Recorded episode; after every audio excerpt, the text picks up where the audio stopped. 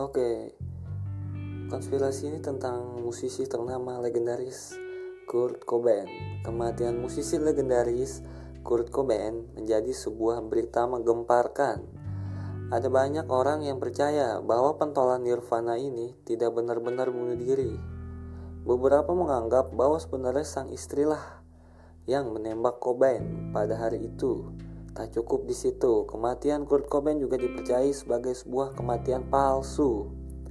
Banyak penganut teori konspirasi yang menganggap Cobain masih hidup.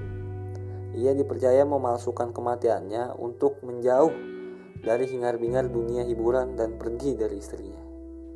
Menurut lo gimana nih? Sekian dari gue. Ciao.